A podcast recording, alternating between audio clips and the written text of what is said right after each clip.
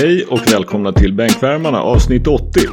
Idag har det svenska förbundscoachteamet tagit ut sitt första landslag. 17 spelare är uttagna. En smärre sensation är faktiskt att 17-årige Elliot Kadå är uttagen.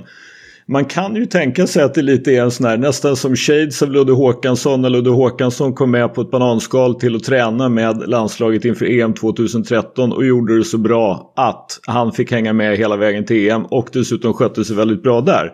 Där och då var han inte överskattad. Det ska bli väldigt kul att se om Elliot Kadå får vara med och liksom hur han hävdar sig på de här träningarna, vad man får för rapporter. Det skulle vara kul att, att hinna dit till Södertälje där landslaget kommer, kommer att vara stationerat inför VM-kvalet mot Finland den 25 november. Och se om Elliot Kadå faktiskt, hur han hävdar sig på seniornivå. Det är ändå ganska tufft att kliva in i, eh, med spelare som är äldre och har mer erfarenhet och är större och liksom helt enkelt bättre än vad Elliot Kadå är van att möta. Men jag tycker det är rätt att man tar ut honom.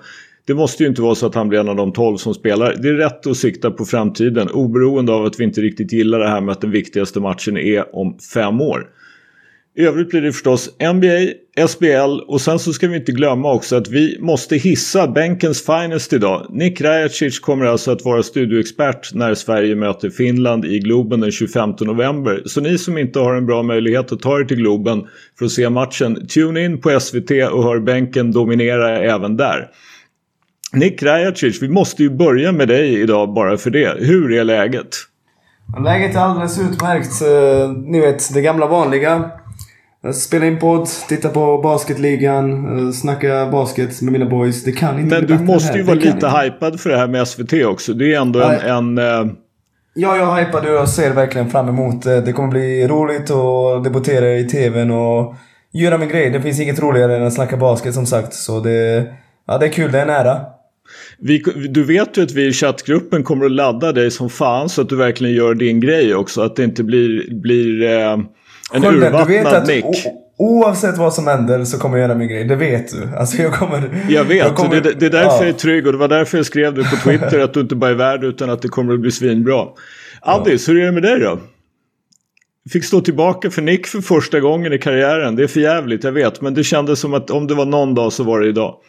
Mm, ja, absolut. Nej, men det är, det är skit, tänkte jag säga. Jag eh, noterade häromdagen att Miami Heat, eh, apropå ingenting förresten då, att Miami Heat skulle hissa eh, Bam Adebayos någonting, hans tröja eller något liknande från eh, att han var ju med och tog OS-guld för USA i somras. ehm, och de skulle göra någon, något jippo av det här. Eh, vet ni vad de kallar Bam? Där i Miami i samband med det här. Någon som har hört? Nej, Nej, nej. Captain Bam America. Nej, fy fan. aj, aj, aj, aj, aj. ja, och så hissar de hans amerikanska du vet, linnet från eh, OS och bara Captain Bam America har tagit hem eh, OS-guld till oss. Alltså, ja. Alltså den där organisationen, de har ju problem det här med att hänga upp tröjor och så. Jordans hänger väl där uppe också i eh, Miami har jag för Och mig. Dan Marino tror jag. Är Ja, inte det Michael Jordan och. Dan Marino? De enda linnen som hänger uppe. Och Dwayne Wade tror jag. In, ja, Dwayne Wade, Jordan och Dan Marino och nu Captain Bam America. Fy fan. Alltså. det är så De heter jävla det sån här Miami. amerikansk jävla cheesy skit. Alltså det är ju, ja Jo, fan. det är det. det, är det. Men, Alltså- men annars är det bra Skölden. Det är höstlov nu. Jag fick höstlov idag. Eller alltså, ja, det började, startade idag.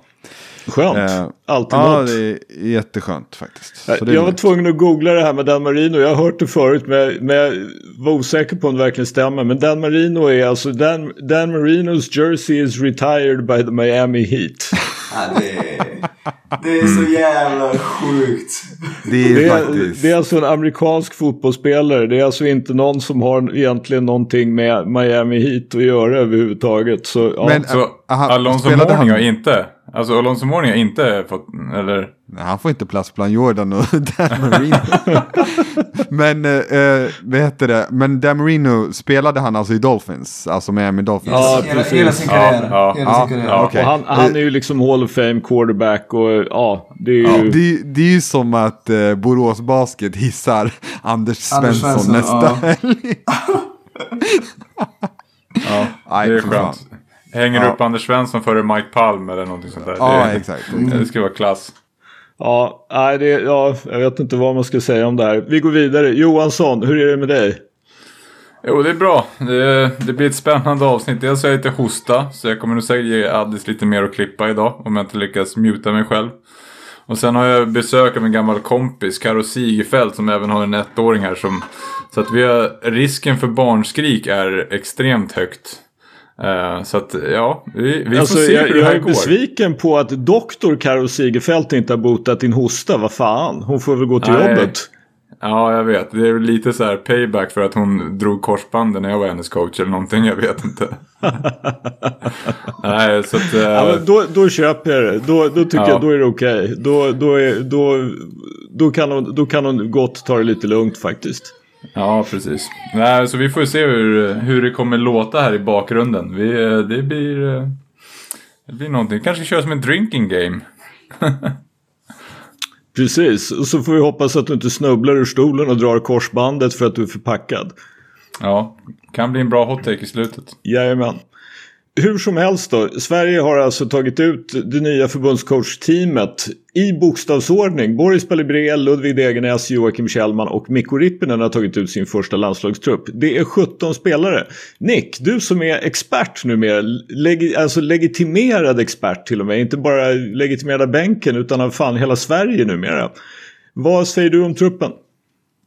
Uh, jag tänker inte gå igenom hela truppen för Nej, nej, jag tror att de flesta vet eller har sett vilka namn som har tagits ut. Men det finns no några namn som är extra intressanta och Elliot Kadå som vi pratat om, om flera gånger som uh, rankas som bästa spelfördelare i USA uh, i sin års, i sin årgång. Född han- 2004. Yes, han kommer vara med och det tycker jag är bara klokt gjort för att han är ett spännande namn, han har talangen och jag vet, det är många, som- många har sagt till mig Men Nick, hypa inte upp de här ungarna du vet, de kanske inte klarar av det. Jag säger så här. Är du 17 och inte klarar av hypen, då kommer du inte klara av hypen när du är 21 heller. Jag tror att han kommer må jättebra av att vara med. Jag tror faktiskt att han kommer byta om en match och få komma in. Och jag vill verkligen, jag har redan tweetat om det, men jag vill verkligen att han kommer in när matchen spelas i Globen och bara gör det ett par minuter. Jag är ganska säker att han dribblar upp bollen i lugn och ro och klarar av att styra upp anfallet. Jag vill bara att han ska få känna på stämningen och bli en del av svensk basket på riktigt. Sen har vi Viktor Gaddefors tillbaka. Uh, och det tycker jag är intressant för att Viktor Gaddefors är tillräckligt bra för att vara med i landslaget och hjälpa landslaget vinna matcher. och jag tycker faktiskt att det är bra. Jag tycker att förbunds eh, generalsekreteraren Fredrik Julamo, SVT, gjorde en artikel om att Gaddefors är tillbaka. Och så frågade de vad, vad känner du kring att han är tillbaka trots hans uttalande och då sa ju Julamo att de har pratat om det och att eh, att, att de eh, var missnöjda med hans citat men inte missnöjda med Viktor som individ och det tycker jag låter rimligt. Viktor Gaddefors ska vara med bland de 12 bästa, så pass bra är han. Eh, och sen har vi även David Höök som jag noterat gör det bra i andra ligan i Spanien och i ett topplag, spelar 26 minuter per match. Och David Höök är en sån spelare som faktiskt har internationell potential med sin brutala atletism, storlek och han är faktiskt ganska basketsmart. Så det är tre namn som jag tänker på extra när jag ser den här listan och eh, jag, ja, jag ser en trupp som absolut uh, skulle kunna göra bra ifrån sig i första kvalfönstret. Mm, mm. Jag tycker det är intressant lite grann. Det känns ju ändå lite som ett... Alltså många har varit med men det känns ändå som ett lite generationsskifte. Alltså vi har en, en som har varit instämplad i det här laget som inte är med längre. Massamba till exempel. Alltså vi har två stycken. Vi har Sharapovic och Lindqvist som är 30. Annars så är det liksom under. Och det, ja, jag tycker ändå att det känns ganska kul. Att det känns ändå som att vi har rätt många runt 20, alltså 24, 25 och så vidare. Som, ja, det ska bli kul att se. Det, det skulle jag säga väldigt bekanta namn. En, en till som är lite så här halvny i landslaget är ju Mattias Markusson som har född 96 och har gått på college, 2,17 lång center som började spela basket sent och i princip blev inplockad i, i ungdomslandslagsverksamheten för att han var just 2,17. Men han har ju faktiskt tagit sig någon vart. Han har ju varit riktigt, riktigt bra i, visst är det Tjeckien Nick? I Tjeckien, ja. Ja, precis. Och liksom dominerar returtagningen och skårar en del. Eh, sen är det väl då, måste man ju säga, som vi har kunnat konstatera förut, att just på centerpositionen har vi ju faktiskt både Simon Brigander och Nick Spires som väl sannolikt går före och även Adam Ramstedt. Som jag inte riktigt har koll på hur det har gått för honom i Polen i och för sig, men och, ja, bra. Whatever. Det, det, det, det är som sagt, vi har, vi har bekanta namn. Det känns inte som att det egentligen saknas någon någon riktigt. Vad, vad tror du då Nick? Du, har ju, du ångrade ju det här att vi skulle krossa Finland i, i Globen den 25 och det gjorde du fan så rätt i. Men vad, vad tror du om det här? Vad, vad kommer vi att se? Hur kommer Sverige att se ut? Uh, jag tror att, uh, alltså det här tänkte jag spara till SVT-sändningen när jag ska. Nej men... Uh, jag, jag, det är tre veckor dit, alla kommer att ha glömt ändå så du kan upprepa dig. Jag kan säga så här att Sverige kommer bara ha några få dagar med fyra nya förbundstränare. Det kommer inte hända något revolutionerande. De kommer inte komma på något komplicerat spelsystem. Utan offensivt spela så enkelt som möjligt. Vi vet att svenska landslag sällan gör över 80 poäng, typ aldrig. Defensivt försöka vinna matcher på det sättet för att när Sverige vunnit de tidigare åren så har det varit via försvaret. Sätta defensiv prägel, inte göra det för svårt offensivt. Och sen hoppas på det bästa. Mm, mm. Johansson, vad, vad, vad, vad tänker du dig? Det är ju ändå, alltså det är ju ändå som sagt ett nytt coachteam. Trots allt. Alltså det är ju en minimal förberedelse så att någonstans så blir det ändå så här. Jag tror att de kommer spela rätt enkelt, försöka spela aggressivt med energi och så vidare. Så att jag menar, du har ju som coach inte gett, alltså om du ska prestera nu med den korta tiden som är så kan du inte göra någonting avancerat. Det är beroende på om du tar ansatsen att det är prestera nu eller börja att bygga någonting till senare. Men jag tror att de kommer eh, bara försöka ta in någonting enkelt som gör att de kan spela på ett hyggligt sätt och vara, alltså, att konkurrera i Globen. För eh, alltså det skulle vara ett enormt lyft om de väl lyckades sno en match i Globen. Och, och mycket av det så blir ju också optics att se som att man ser ut att vara eh, nära. Att, att kunna konkurrera med Finland tror jag är väldigt viktigt. Jag måste säga att jag, jag tycker det här att alltså, det viktigaste för framtiden just nu för ett svenskt landslag det är att gå vidare från den här första gruppen och gå till andra gruppen. Och ja, har man... gått vidare från första gruppen. Vi är i andra gruppen nu, fattar du? Ja, ja, men ja, sä, säger du då tredje gruppen och kallar det för okay. vad du vill. Men, ja. Du får kalla det vad du vill, men liksom då så att säga gå vidare en gång till åtminstone. Jag kräver inte att vi ska gå till VM, men vi måste åtminstone vidare till nästa kval. Vi får inte komma sist i gruppen. Utan vi måste se till att få ytterligare bra matcher. För det skulle jag ändå vilja påstå är Alltså ett, är det viktigt för spelarna. Två, är det kanske ännu viktigare för förbunds, förbundscoachteamet. Om vi nu pratar om att det här ska vara en långsiktig satsning och att vårt mål kanske egentligen måste vara att vi ska kunna prestera bra i ett EM så småningom så är det här är ju en ovärderlig möjlighet att skaffa sig eh, erfarenhet och förstå liksom, ja men okej, vad hinner vi med på tre dagars träningsläger när vi ska möta ett bra lag? Alltså vad, vad, kan vi göra och hur på något sätt skapar vi en känsla av att det här är ett landslag som alla vill vara med i alltid när de kan. Jag håller med er båda. Mm. Men däremot, jag vill bara säga en sak.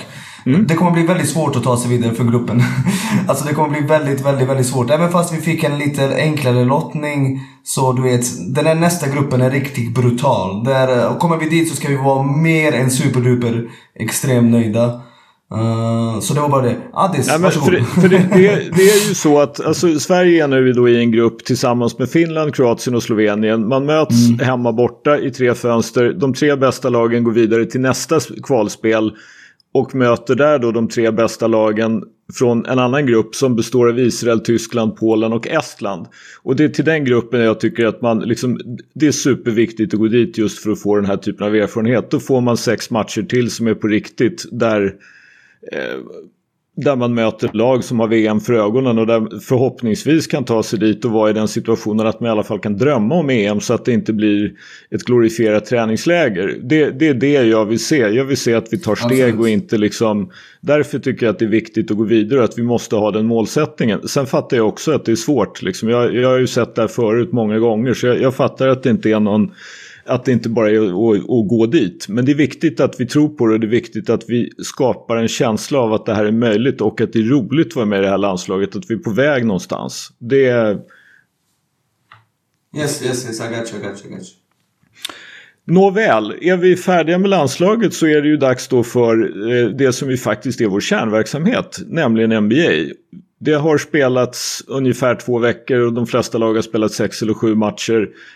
Och vi har enats om att var och en tar ut en observation från de här två första veckorna och argumenterar för den eller berättar om den och övriga tycker till. Och Addis, du var ju lite anonym här om landslaget. Du får börja med din observation om NBA. Mm. Alltså jag satt och funderade på eh, vad jag skulle plocka när vi sa att vi skulle snacka om det här. Och eh, min är jäkligt random, men jag har bara fastnat för en spelare i år som jag är väldigt imponerad av. Och det är eh, Mr Josh Giddy i eh, Oklahoma. Jag vet inte om ni har, eh, har ni sett honom spela någonting. Eh, men eh, han har en jättebra inledning på säsongen. Han, eh, han snittar typ eh, 11, 11-6-5, någonting i den stilen. Eh, och blev draftad sexa i årets draft. In, alltså innan i den här säsongen, jag hade inte någon koll på honom i princip alls. Eftersom jag kanske har stött på namnet, men that's it. Eftersom han spelade ju inte på college. Oftast har man ju koll på de som spelar i college. Men han, han valde ju, han är, han är ju australienare till och med. Så att han valde ju den här NBL-vägen, det vill säga alltså australiensiska högsta ligan då. Och var en del av deras så kallade Next Stars program där de eh, ja, men skapade, som G-League ungefär, ah, inte riktigt, men det är en del av proffsverksamheten bara att man får signa liksom en spelare. Jag läste på lite om det här. Alltså man får typ signa en spelare utanför lönetaket. Sjukt att NBL har ett lönetak överhuvudtaget, men, men det har de.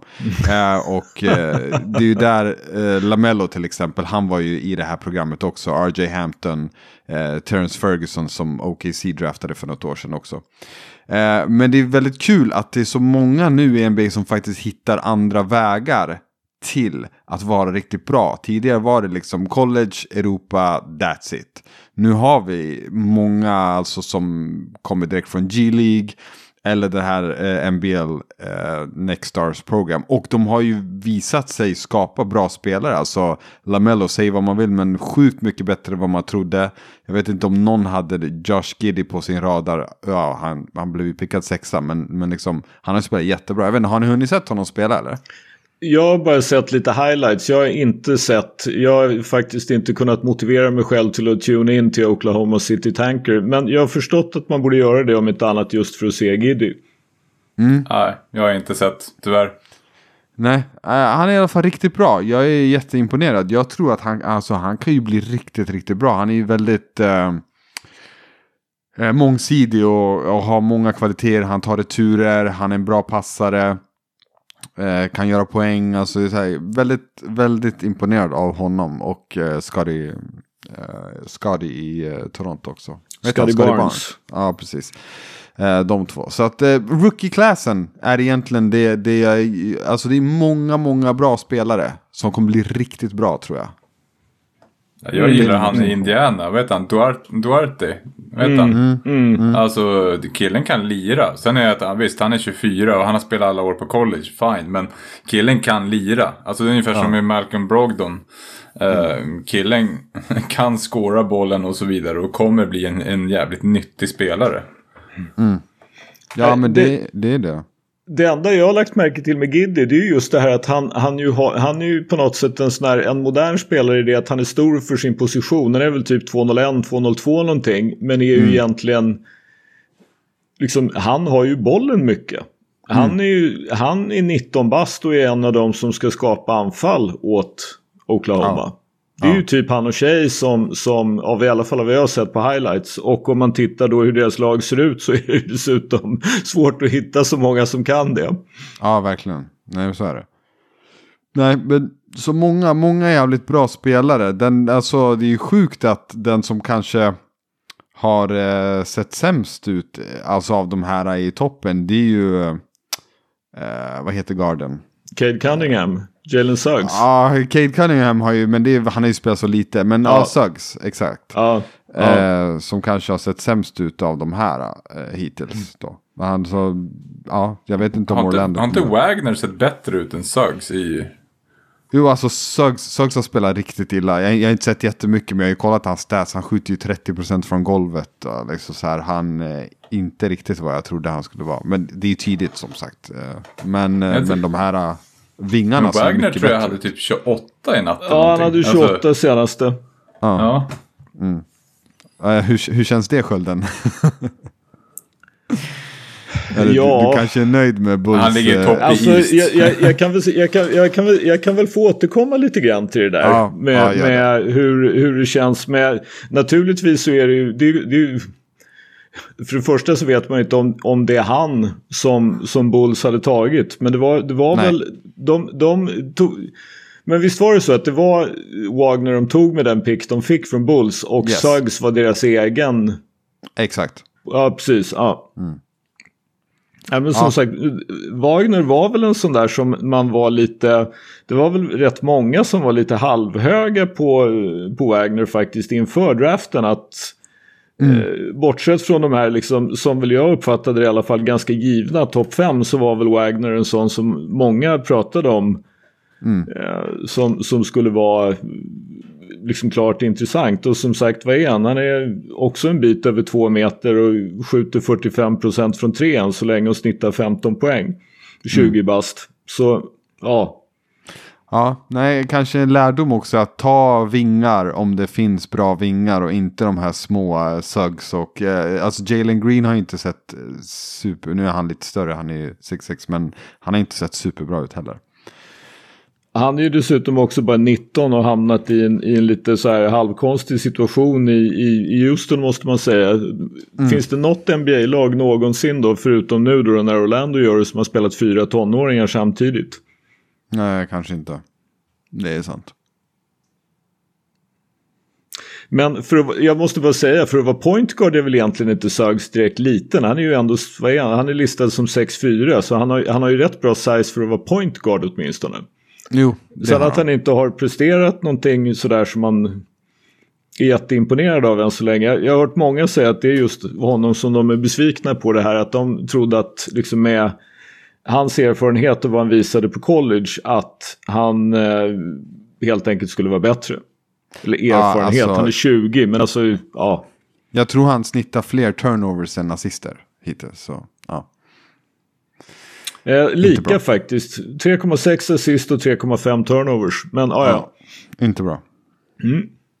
Nej, bra, bra. Det, som sagt, du tvingar oss att, att tuna in till Oklahoma City. Det hade jag kanske gjort så småningom ändå just för att se, för att se Giddy faktiskt. För det verkar ju ändå vara en spännande spelare.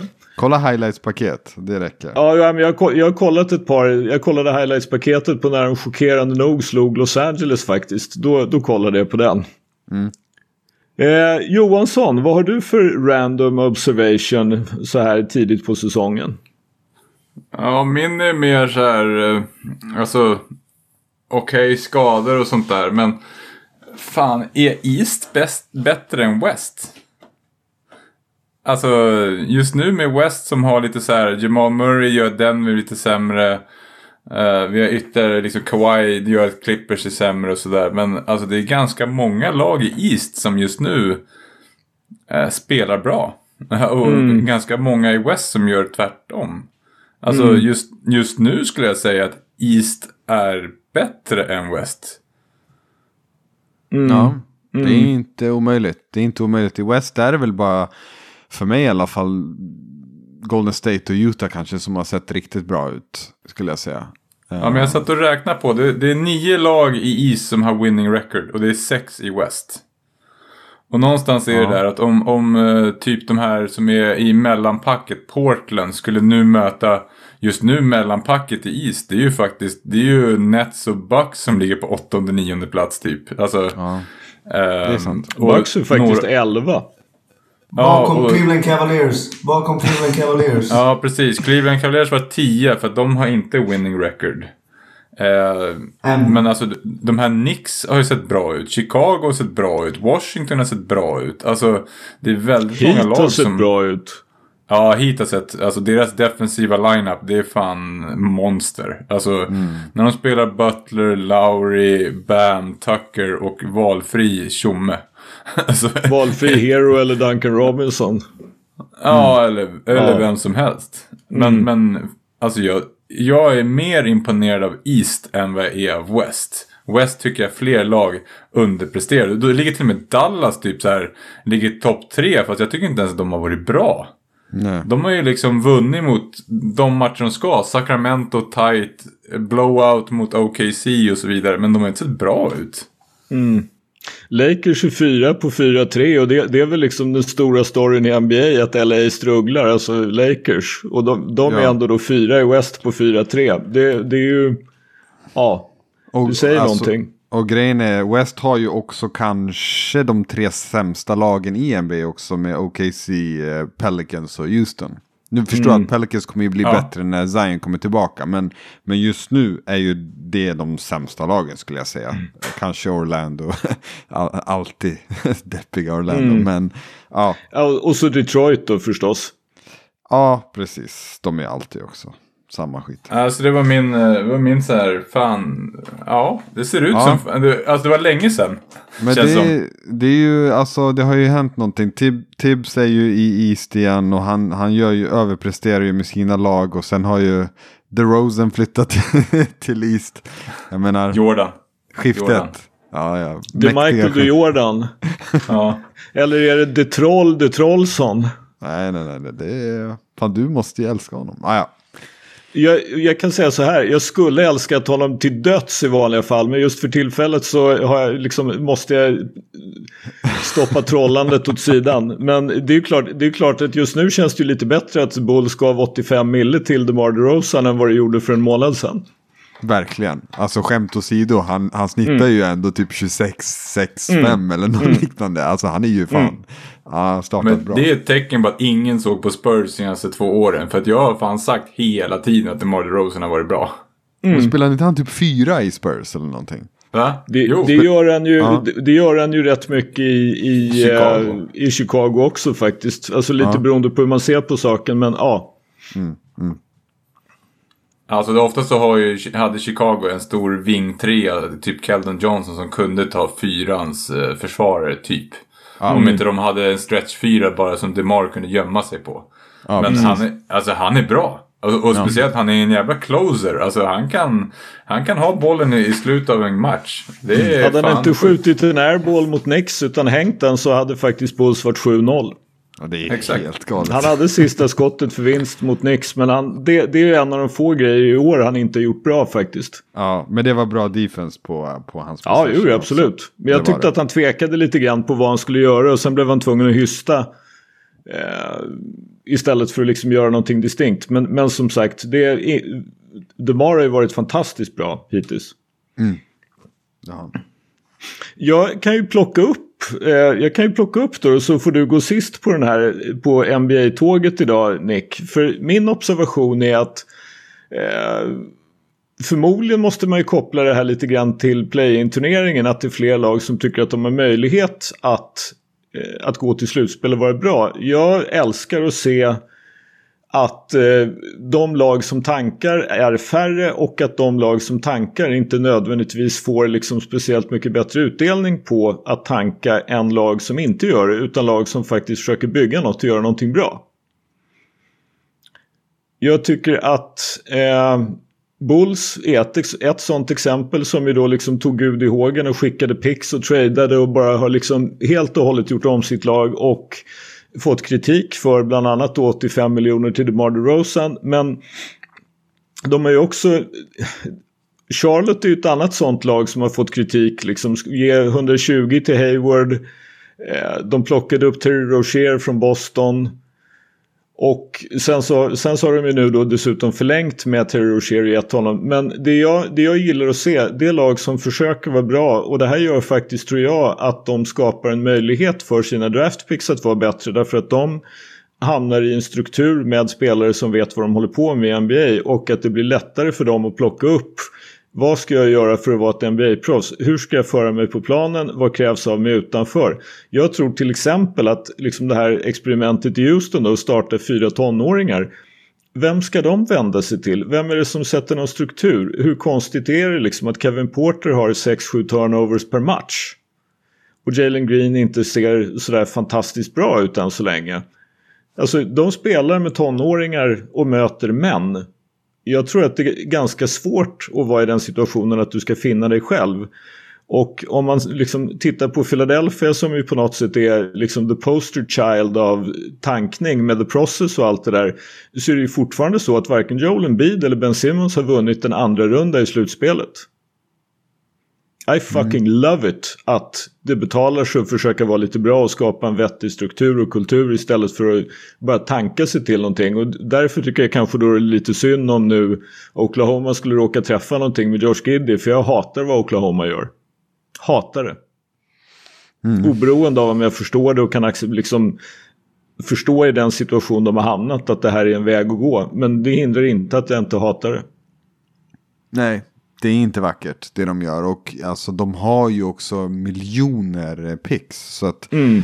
alltså, det är ju inte som att de behöver samla på sig ännu fler kan man tycka.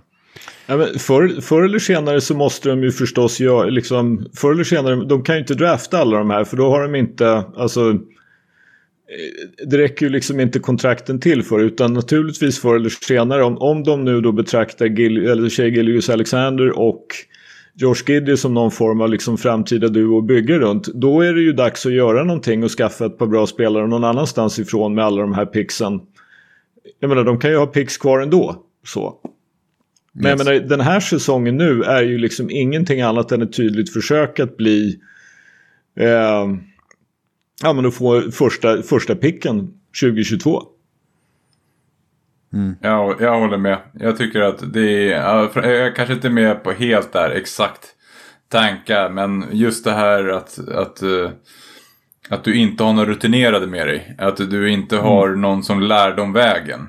Jag tycker att om vi faktiskt tar en parallell då, det, var, det är ett av de största problemen vi har med våra RIG.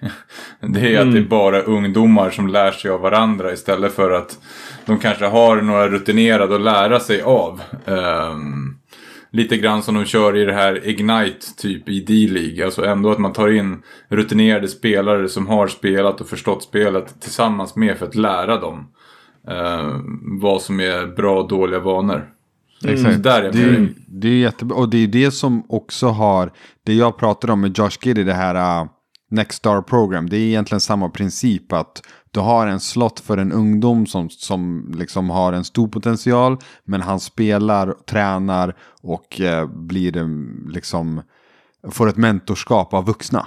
I princip. Exakt. Proffs. Och det, ja. det är ju egentligen en mycket bättre, tror jag, utbildningsmiljö än att sätta eh, sju liksom 19-åringar med varandra och bara ah, hej, liksom lär er av varandra. Eller av Liksom. Ja, jag, jag förde öppet diskussioner om att jag ville.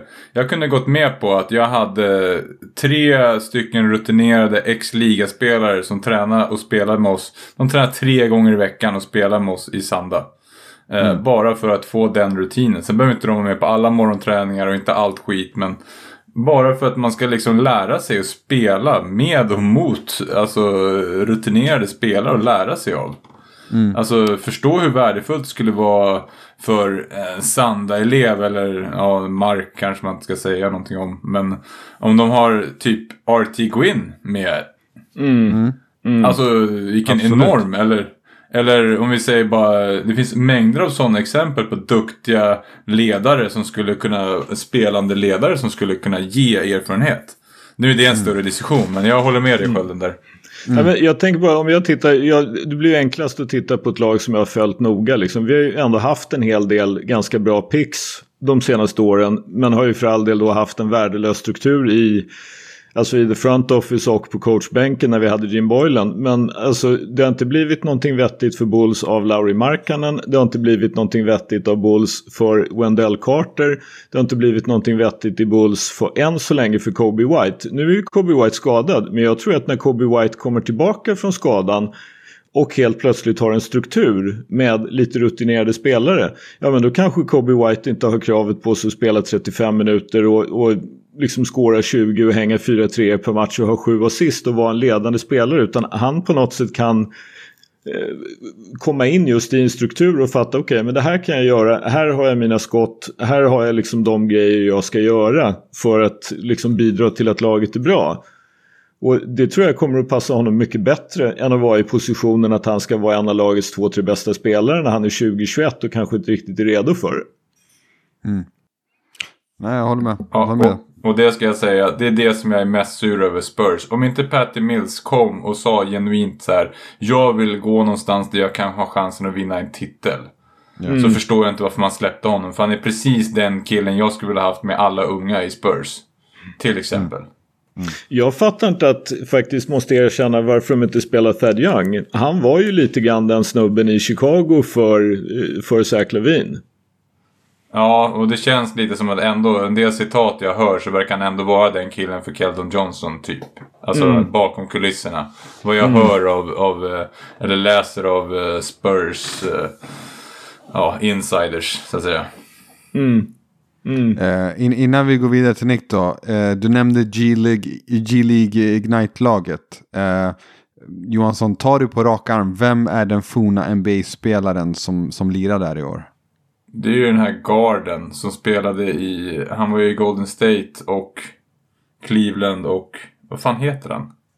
Ja, du tänker på Jarrett, Ja- Jarrett Jack. Ja, det? Han spelade där förra året faktiskt. I Ah, år Ja. är det, ja, han var, jag tror Amir Johnson var där förra också. Det är Amir Johnson faktiskt. Okej. Mm. Som spelar där. Eh, Vad är han? Han är ju gammal, 35 kanske eller någonting. Så att, ja, jag tror att det är bra med den mixen, absolut. Mm. Mm. Nick, det är du kvar. Okej, jag har tre observationer. Nummer ett. Jag ber om ursäkt till våra lyssnare. För de fick lyssna i 10-15 minuter om Chicago Bulls, G-League Ignite, Houston Rockets, Oklahoma City Thunder och San Antonio Spurs. Och nu ska Visst. du få lyssna 10 minuter om Cleveland Cavaliers. Topp-onsdag. Det där får de inte i någon annan podd i världen. Jag lovar er. Det är just den kombinationen kommer de inte få. Så ja, det kanske är bra, jag vet inte. Men jag ber om ursäkt i alla fall. För det känns som att det är något att be om ursäkt för. Uh, nummer två. Uh, jag vet att Stefan Ivanovic inte är med idag, men var det Addis Nimmerstam? För den här personen som pratade nyss och hyllade en ung internationell spelare, det är inte Addis. Det är inte Addis. Det där är, deras hans onda tvillingbror. Inte en chans att Addis skulle hylla en ung internationell spelare och prata Men- om några typ system i MBL och va? Nej, nej, jag nej, nej, nej, nej, Jag tyckte det var intressant när jag, när jag började grotta ner mig i det. Har du rökt? Men du får tänka, Du det har har, rökt gått, något? det, det har gått några generationer för de här australienarna. Han har tvättat bort liksom det europeiska arvet. Så att det är lugnt. Nej, jag, jag bara lyssnade och bara va? Du som alltid brukar eh, underminera... Du, du var så chockad så du var tyst i 10 minuter. Ja, jag bara vad är det som hänt. pågår? Vad är det som pågår?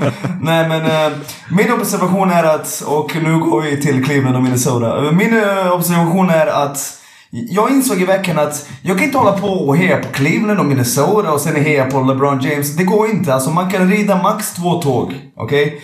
Man kan inte heja på halva ligan. Det är inte så det funkar att vara en fan. Så jag måste nu tyvärr säga upp Eh, min uh, supporterskap eh, till LeBron James. LeBron James har åstadkommit jättemycket. Jag, alltså jag vill fortfarande att han ska vinna. Men jag kan, inte, jag kan inte dedikera min tid till honom när jag har Cleveland och Minnesota att tänka på. Det, det är de två tågen jag rider.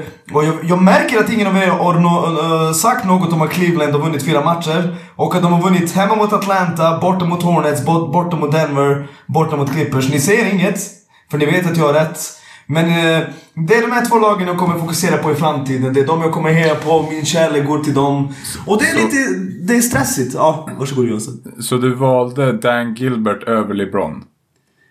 Nej, det är det verkligen inte.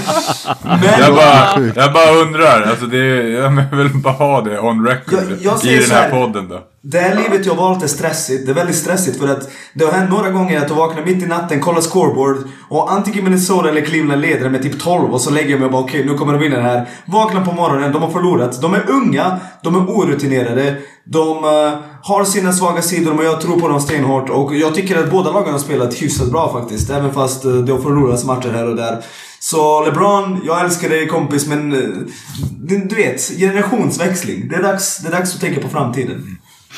Jag, jag, måste säga en sak om Minnesota, för jag orkar inte riktigt med att vi ska prata så mycket om Cleveland ännu en podd, för vi pratade faktiskt om Cleveland förra veckan eh, en hel del. Men jag har en observation som förvånar mig lite grann om Minnesota och det är ju det hur mycket mer Anthony Edwards skjuter än Carl Anthony Towns och att D'Angelo Russell skjuter nästan lika mycket som Carl Anthony Towns och D'Angelo Russell ska ju fan inte skjuta så mycket för han har ju helt värdelös procent. Vad, vad händer där Nick? Berätta för oss. Vem skjuter värdelös procent? D'Angelo Russell. Jaha, nej nej men han är ju... Alltså det är ju han som är den svaga jag säger punkten. Det, jag säger att Carl Anthony Towns, det är aha, lite aha, märkligt aha. att han... Alltså D'Angelo Russell skjuter nästan lika mycket som honom och Anthony Edwards skjuter mer. Jag fattar Anthony Edwards men yes. du kan ju nej, inte ha liksom Carl Anthony Towns på liksom en, en nivå där ja, han, han tillsammans skjuter 50% av vad D'Angelo Russell och Anthony Edwards gör. Det känns Nej. som att de, de behöver komma åt eh, honom lite mer faktiskt offensivt. De är lite beroende av uh, Russell just nu och det gillar jag inte. Jag har gett upp. Alltså mina, jag har inga aktier. Jag har inget hus på uh, D'Angelo Russell-ön uh, längre. Det, alltså, det går ju inte. Han är en bollhag. Han älskar att spela mot en. Han dödar ju bollen. Uh, med, sina, med sitt eviga studsande och jag märker liksom de matcher de förlorar att han är kall. De, de behöver produktion där men han ger inte dem det regelbundet. Så han har mm. varit ett stort problem. Jag, jag, jag önskar nästan att de inte hade tradat bort sin pick uh, och Wiggins för honom. Faktiskt, sjukt nog. För jag tror att de hade varit bättre med, även fast Wiggins brände sina broar och var jävligt dålig. Och, ja, jag tycker att uh, Towns och Edwards är riktigt bra ihop. Alltså, Sjöström, du har inte sett Towns kanske i år, men han är, han är bra alltså. Han är jävligt bra. Han är, han är topp 15 Jag har sett lite grann. Och, och, som sagt, Towns, Towns har ju alltid varit bra offensivt. Sen är ju då frågan, liksom, kan, han, kan han så att säga göra så att hans lag vinner någonting? Men det är ju här jag ser då, det här är ju ett problem om du är center ändå du är ju beroende av någon annan. Liksom Carl Anthony Towns tar ju inte upp bollen och på något sätt så att säga den som initierar anfall. Och det är förstås därför som Russell skjuter 15 skott per match och Towns 17. Men, men de, du... Minnesota har varit helt okej okay defensivt nu under säsongsinledningen. Mm, mm. Helt okej. Okay. Så jag tror att den här coachen är bra. Alltså han har fått dem att spela försvar och de, de kommer vinna matcher men de är lite ojämna och... Men, uh... men då, är det då är det ju dags att övertyga D'Angelo Russell att du, om du skjuter 42% från 2 och 29 från 3 så kanske inte du ska skjuta 15 skott per match. Jag tror att det är väldigt många tränare som har försökt säga exakt det där till honom genom åren. och mm. det, han lyssnar inte. Mm. Ja, sen vet inte jag, för jag har gjort en iakttagelse till där om Carl Anthony Towns. Och det är ju det att han har 4,2 assist men också 4,2 turnovers. Och då tänker jag lite grann att är det här bara Towns fel eller är det så att de sätter honom i dåliga situationer? Alltså mycket av, anfallet, mycket, mycket av anfallet går ju genom honom. Det är därför. Mm. Uh, och det gör coachen all rätt i. Uh, för Towns är ju Uh, han spelar ju liksom uppe på toppen och han kan ju delegera spelet därifrån men uh, Uh, ja, jag vet inte. Vi får se. Vi får se. De hade 3-1 start, mötte Orlando igår, ledde med fucking 15 och sen förlorade. Uh, jag blir bara sur. Jag blir irriterad, frustrerad. Det är inte lätt att vara jag. Det är inte lätt. Jag, så, jag såg att uh, Cole Anthony hängde typ 31 på, på dem också. Eh, Cole det... Anthony hänger 25 plus på många nu för tiden. Sjukt ja, nog. Det är, Han snittar ju typ det... 18-19-7. Eller 18-9-7 menar jag. Ja, ja, det är faktiskt sjukt. Men det är ändå det är ett underbetyg ändå att eh, någon eh, Cole Anthony lika lång som mig går och hänger över 30 på dem. Instagram-produkten Cole Anthony. han är också en Instagram-produkt. ja, han också, det visste inte jag. Hans farsa är ju NBA-spelare och allting. Instagram-produkten. Ja, kanske. Eh, jag måste bara säga, såg ni att eh, Carmelo Anthony hade fyra blockar i en match häromdagen? What? Det, det är ju helt sjukt. Är det inte det? Jo, det är helt sjukt. Fyra blockar, alltså senast han hade det måste vara typ 2006 på riktigt. Måste vara det. Alltså han är ju, han är ju någon sorts, eh, alltså bra och dåligt för Lakers. Han har varit jävligt bra. Mm. Men om han är typ din bä- näst bästa spelare, då är det inte bra. Ja, det, Ja, det, var ju det, det var ju det jag sa förra veckan. ja, det, det är oroväckande hur mycket han behöver göra för dem. Jag håller med. Ja, ja, exakt. Alltså då är det någonting annat. Anthony Davis kanske borde behöva komma i form, typ. To- Topp Eh, 75 med Anthony Davis, eller hur? Mm, mm, mm. Ja, exakt. precis. Topp top 75 AD. Ja, är vi nöjda med NBA för dagen då? Vi får ju anledning att återkomma till det här. Jag måste bara säga det att i, i, eh, i Stefan Jovanovics frånvaro så måste vi bara säga det. Heat Culture, Jimmy Butler har ju varit helt magiskt bra från början av den här säsongen och deras försvar är sjukt bra. Och även Bam ser bra ut och Tyler Hero ser bra ut. Det är, kan vara i Stefan Jovanovic ära så kan jag tänka mig att de faktiskt kan vara en liten outsider när det börjar dra ihop sig mot slutspel om alla är friska. Nick, ta oss till spel.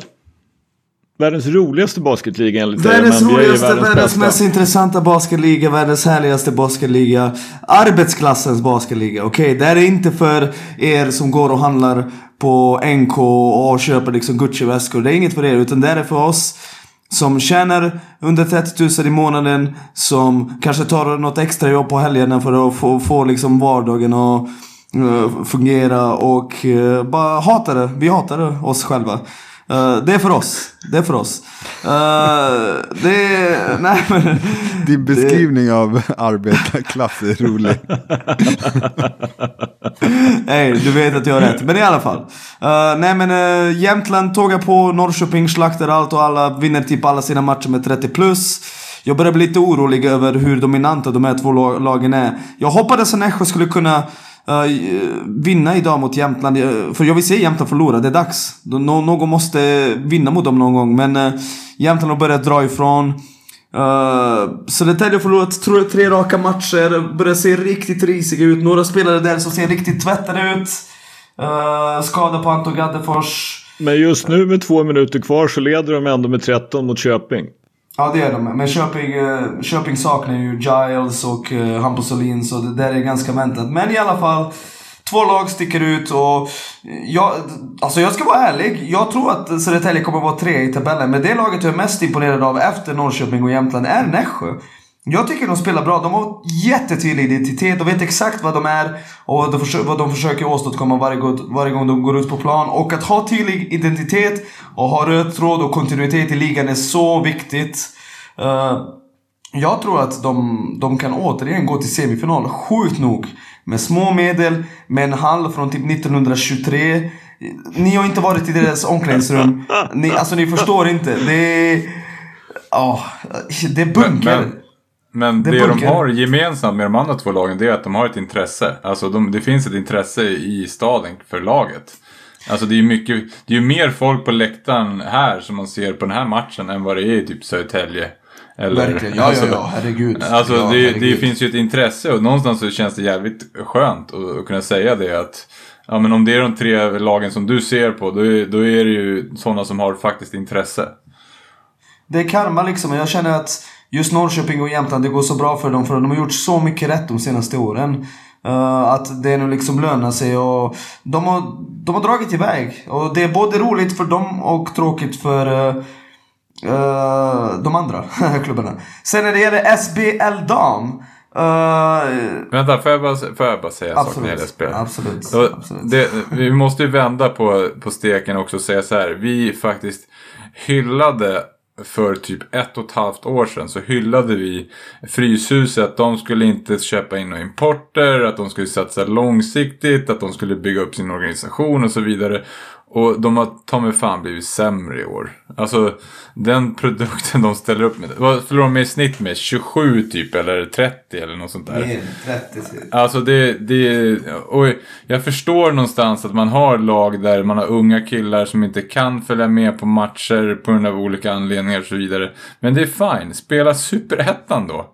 Alltså, var inte i basketligan. Tyvärr är det så att till skillnad från SBL dam där det finns många lag som faktiskt är med och konkurrerar och uppvisar en jävligt bra produkt med, med föreningar. Så på här sidan är det just nu åtta som visar upp någon sorts kvalitet överhuvudtaget. Och experimentet Fryshuset borde vara slut nu typ. Jag håller med. Jag, jag håller med Fryshuset för, ja. förlorar, har alltså spelat nio matcher. De är minus 273. Det innebär att de i snitt förlorar sina matcher med drygt 30 poäng. Ja. Och det, det är liksom, det, är ju, det, är ju, det blir en sideshow snarare. Det blir ju så här, det blir någonting som alla bara så här, ja vi måste hålla fokus för den här matchen. Eh, liksom den här får vi inte förlora. Och, och gjorde man en satsning förra året, ja vi ska bygga upp ekonomin. Ja men då ska någonting hända, då ska det inte bli värre. Det är min take om dem. SPL Dam då Nick? Uh, jag håller med dig uh, Johansson. Det var, det var acceptabelt i ett år men två år det blir för mycket. Det är dags att lägga ner om de inte tänker satsa seriöst. SBL Dam, vi har lo lokal derby på fredag! Lokal derby! Vi har mark mot Borås Basket. Och det är faktiskt det enda sanna lokalderbyt i basket i Sverige för att visst Eh, uh, när Luleå möter Jämtland, det är också lokalderby. De, de här två städerna ligger ju väldigt nära varandra. Uh, men uh, Mark och Borås ändå det enda riktiga. Ni förstår vad jag menar. Alltså, det kommer vara riktiga känslor. Det kommer vara... De här två klubbarna, de gillar inte varandra. Det kan jag berätta för er. De gillar inte varandra. De känner att det finns konkurrens där. Och jag tror att det kommer bli en riktigt nice upplevelse. Jag förväntar mig fullsatt i Kinnahallen. Jag hoppas att ni streamar matchen på Salisport, För ni har fått era koder, eller hur? Ni har följt mm. FBL Dam, alla ni. Mm. Addis, har vi? Vad säger du? Har vi? Addis fick ingen kod. Addis blev väldigt, väldigt upprörd. Han fick ingen kod. Jag, jag bojkottar. Ja, ja, han bojkottar SBL Dam. Jag vet inte om ni visste det men... Även fast Uppsala slog eh, Alvik. Ja det var kul. Men, men de ja. går jag och ser live. Men, men eh, allt, allt annat det, det skiter jag fullständigt i. Ja, men eh, det är det som är spännande och sen... Eh, sen har vi ju Södertälje som har förlorat sex raka matcher. Otroligt nog. Börjat 0-6. De har det väldigt, väldigt svårt och... Många undrar hur de kommer lösa det här. Jag har fått eh, höra teorier om att om Södertälje kommer sist, att de kommer att utöka ligan till 15 lag. Södertälje, som ni, som ni, ni har säkert hört det här, det är förbundets lag. Så de har inget att oroa sig för. Nej men eh, de har ju spelat dåligt. Det har vi nämnt några gånger tidigare. Jag hoppas att de tar sig den här formsvackan för det är, det är inte roligt att titta på det här. Jag trodde de skulle ta en ny satsning men det har verkligen sett eh, fruktansvärt dåligt ut. Vet ni, vet ni vad jag tycker är coolt med den här podden? Och jag tycker det är coolt med Twitter överhuvudtaget. Någonstans så är det så här, folk frågar mig så här vad jag saknar med basketen. och då brukar jag säga så här, jag har basket varje dag. Och nu, nu är det så att nu har jag snackat lite då med Fredrik Almqvist som är coach för Mark. Så när de kommer upp i februari då ska vi ta en fika och ska vi snacka basket. Det är sånt som man egentligen inte har möjlighet till om man inte gör sånt här. Och det tycker jag är en jävligt häftig sidoeffekt av det här. Ja. Ingen mm. vill snacka basket med mig kan jag säga. Men, men. Vem är det som är bitter nu? det, är helt, det är helt plötsligt, nu, nu är det som man undrar vem det är som, liksom, är du Johanssons lillebror helt plötsligt? Efter att Johansson har varit din yngre bror förut vid ett och annat tillfälle. Här är det okay, chockerande. Addis är bitter och hypar internationella talanger. Vi, eh, vi måste börja kolla vad som är med vattnet där borta. Alltså... Ja, no någonting är det. Nå någonting är det. Absolut. Så är det. Nick. Du brukar ju vara bra på att dra igång oss på hottakes. Kör. Uh, jag fortsätter på SBL damspåret. SBL baby. Nej men. Uh, jag vill, uh, jag vill fortsätta prata om Södertälje sjukt nog för att jag känner att deras stjärnimport Chanel Molina som spelade för Norrköping förra året och som fick WNBA-kontrakt till och med. Hon fick inte plats i laget men hon fick ju ett kontrakt och blev sen petad. Hon är oerhört överskattad. Johansson, jag vet inte om du håller med mig, men nu har jag sett några Södertälje-matcher och hon är väldigt ojämn, hon är väldigt duktig passare, hon kan spela, men hon är ojämn som skit och framförallt tycker jag att hon är oerhört lat defensivt. Hon gör så mycket misstag och när Södertälje spelar sitt sideförsvar exempelvis så hänger du inte med utan tar hennes uh, spelare hon håller en, två studs så är den spelaren förbi. Hon kämpar sig inte igenom screens. Jag tycker att hon är en väldigt stor anledning till att det går dåligt för Södertälje. Så jag tycker att hon är, trots att hon har fin meritlista nu I guess och gjorde bra säsong. Så tycker jag att hon är väldigt överskattad. Johansson, håller du med mig eller vad säger du? Ja, alltså jag håller med och, och det blir någonstans det här det blir problemet egentligen när man ska ta tillbaka spelare som kommer med en lite större meritlista tycker jag. Då ska man vara jävligt noga med att, att karaktären är samma.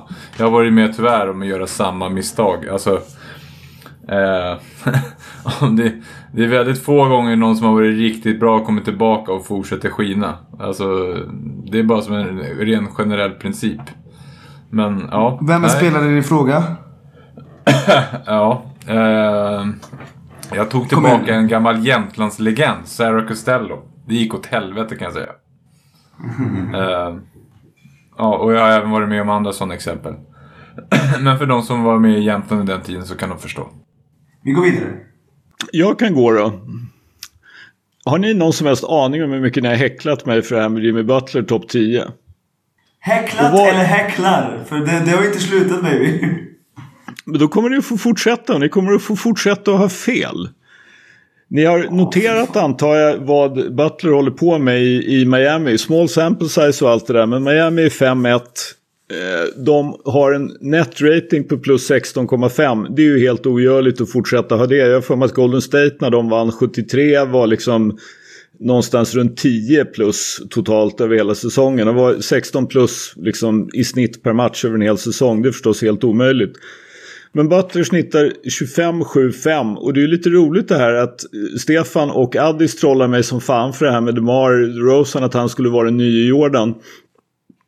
Och inte vill säga någonting om Jimmy Butler. Att liksom the midrange game is back baby. Så han skjuter då för säkerhets skull skjuter Jimmy Butler just för tillfället 38 från 3. Förvisso bara på 1,3 försök. Men för tillfället så är ju faktiskt även Jimmy Butler en legitim MVP-kandidat. Inte bara i mina ögon utan även i ESPN Kevin Pelton. Han har helt enkelt dominerat kraftigt. Han är box plus minus som är Addis favoritstat så är han alltså för tillfället plus 11. Du vet hur bra det är Addis. Så nästa gång vi ska drafta 25 NBA-spelare föreslår jag att ni har Jimmy Butler på er lista. Ja, alltså han har spelat bra. Jag ger dig det. Men eh, sa du, sa du topp 10? Ja. Nej, alltså det, det kan jag inte köpa. Tyvärr. Topp 25, absolut. Topp 30. men, Nick är åtminstone med på, vad var det Nick? Topp 16 eller något sånt där? Ja, men ja, topp 20. Typ.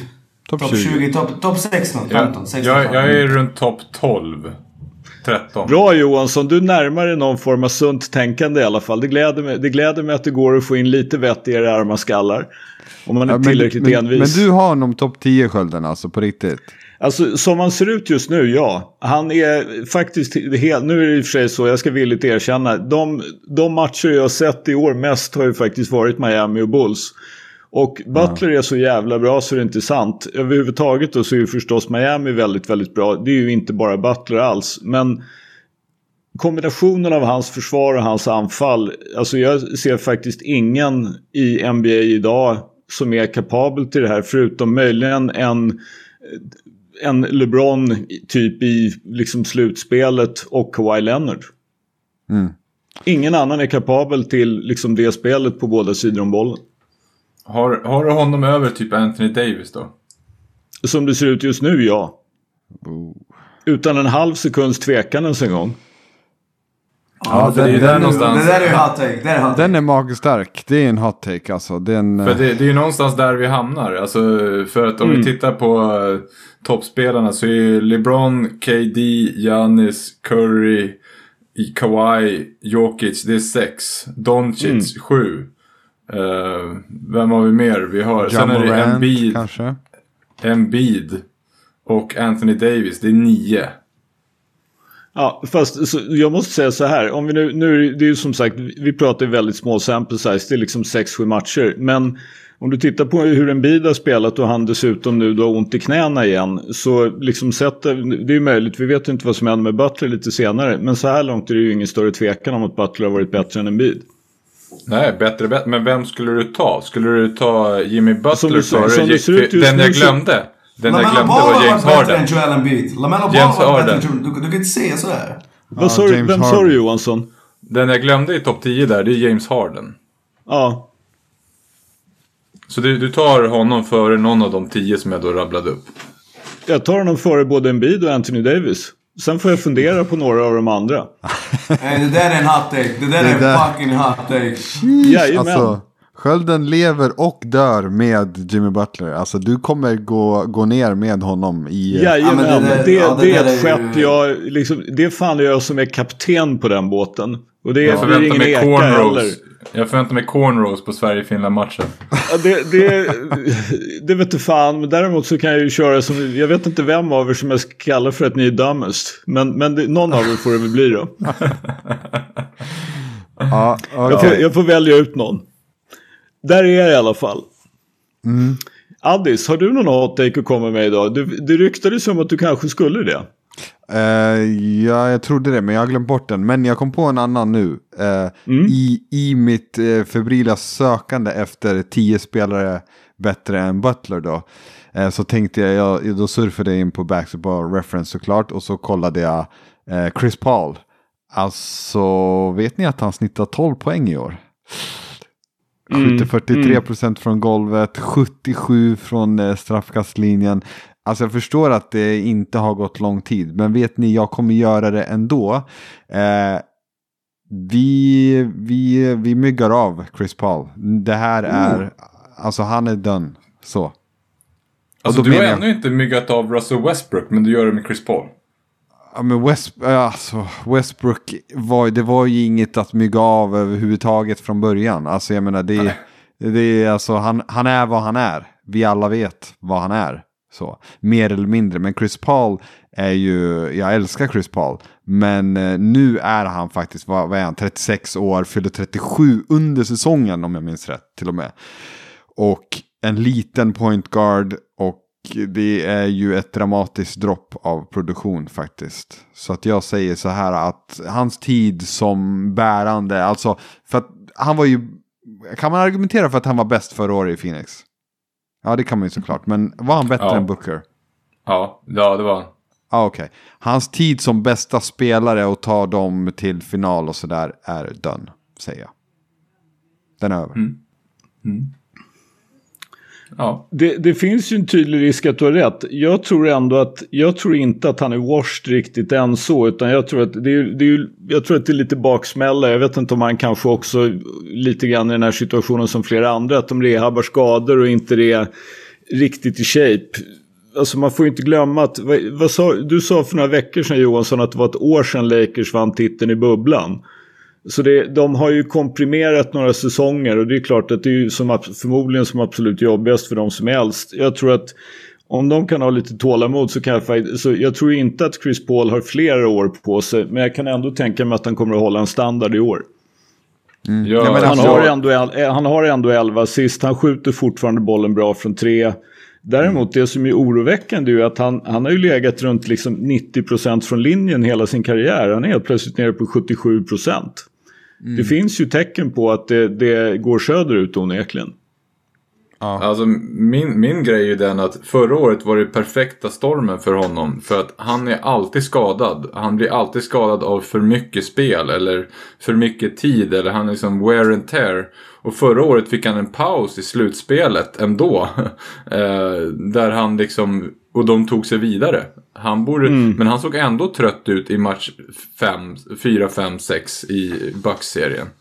Alltså så jag, jag tror bara inte att Phoenix som lag kan upprepa det där. Nej. Nej. Man, man får ju säga det också. Man får ju säga det. Både Drew Holiday var ju rätt bra där i de matcherna. Han gjorde ju både Booker och Chris Paul trötta faktiskt. Ja, I finalen. det. Absolut, absolut. Johansson, vi måste ju förstås spara expert Nick till sist. Vad har Johansson att komma med? Nick har väl redan kört? Nick har ju kört Ja. Nick har ju redan kört. Du skulle ju gått sist Nick. Vad Vad gjorde Johansson? så här? Ja, ja jag, jag tänkte ta upp en sak som jag... eh, Jag vet inte, det är ingen riktig hot takes, men jag är lite så här...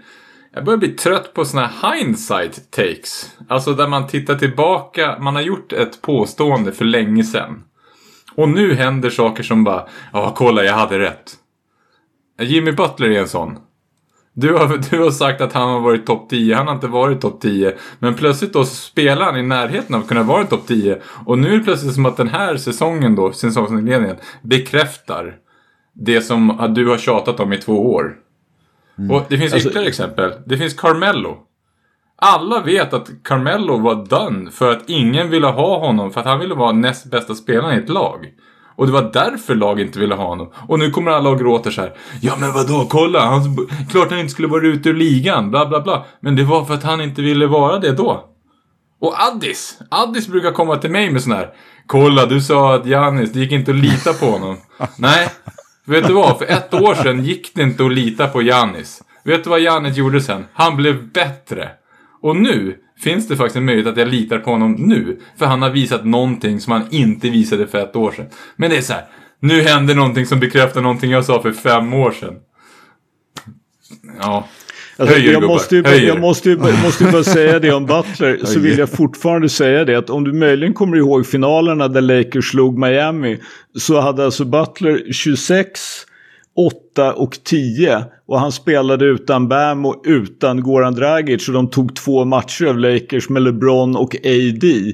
Så liksom att det skulle vara någon jävla fucking hindsight. Det kan du stoppa upp någonstans. Vet, vet du vad mitt svar är till det? Ja. Ja. Ja. Ja. Två A. Ja. Skölden, ja. höj dig. It ain't gonna happen i den här frågan kan jag säga. Det går inte att komma högre än kommandobryggan på Jimmy Butler-båten. Där är jag med utsikt över er alla. Ja, men Höjer. kan vi koppla in eh, experten, Nick, eh, SVT Nick, vad, vad har du ja, och Nick har också en sån där. Bara för att Lakers vann den där med Anthony Davis, då kan ingen i världen någonsin säga att de gav för mycket. Hade de inte vunnit så hade de... Alltså, Just bara det, för, du tyckte de gav för mycket. Ja, jag tyckte att de inte behövde ge allt det där för att få Nej, honom. för sluta. de hade sluta, ändå fått honom. sluta. Sluta. Alltså, vi, har Och- sjunk, vi har sjunkit och- väldigt lågt det där Nu har vi bekräftelsen bara. Bara Det för att de vann. Bara för att de vann. Bara för att de vann. Nej. Nej, jag sa ju innan. Jag sa ju innan de vann att det var verkligen ingenting. Ja, och just nu det, bara var, för... ing- det var ingen hindsight take i alla fall. Det kan man inte påstå. Nej, Jag säger så, jag, ja, Höjer, jag säger så här. höjer, Jag säger så här. höjer. Vi, idag sjönk vi historiskt lågt. Vi har sagt, vi har pratat 10 minuter om typ Spurs och Houston Rockets. Addis har hyllat en internationell spelare. Uh, Skölden har sagt att Butler är bättre än Embiid och Anthony Davis. Återigen, det där är ju... Ah, fy Ja, alltså. och du körde en hot take om en import i ett bottenlag. Ja, SVT-experten. ja, ja. Tack för att ni fortsätter lyssna på oss trots att vi har här avsnitt. Det är, alltså det är, ja fy fan. Fy fan. Ja, jag håller med. Alltså det, idag, höj oss. Alltså idag. Vi höjer oss inför nästa avsnitt, det där är ju för jävligt. Ja, Jag snackar tio minuter om Josh Giddy och NBL och det. Nej, det... Men det är, ja, jag tänker någonstans att vi, vi, vi ger sånt också. Vi kan ge allt. Absolut. Det är det jag tänker. Så, Ja, så men det är ingen som går in och... Nu kommer folk faktiskt gå in och titta på Giddy. Ja, det tror jag ja, men faktiskt. Ja Alltså- men gör det. Googla eller youtuba. Josh Giddy. Absolut. Och Absolut. om ni hör det här så tweeta åt oss. Höjer. Höjer. Precis, höjer. Så ska, ska vi se om inte vi kan sjunka lite djupare till avsnitt 81 och 82. Vi vet aldrig. Vi får se om Stefan kommer tillbaka och räddar oss eller sänker oss. We shall see. Tack för idag. Ha det bra. Ciao! Ciao.